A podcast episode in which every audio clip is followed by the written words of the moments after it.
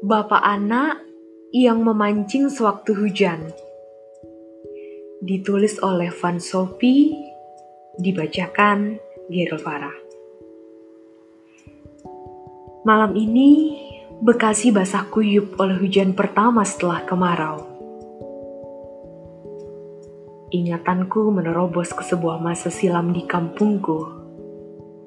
Sepasang bapak anak berlindung di bawah satu payung di pinggir kali memancing ikan. Bagi si anak memancing ikan adalah kesenangan yang luar biasa.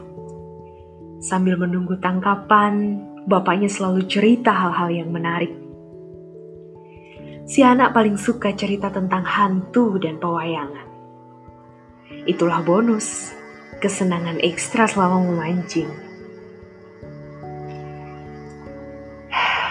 Bagi si bapak, memancing adalah cara kepala keluarga menyiasati keadaan agar anak istrinya tetap makan.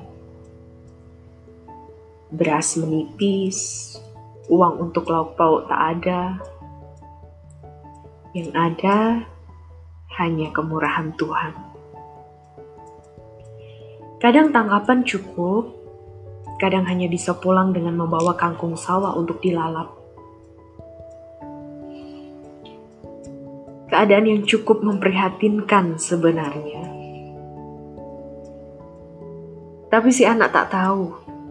Yang ia ingat hanya kegembiraan memancing dan melahap makanan dengan lauk hasil tangkapan.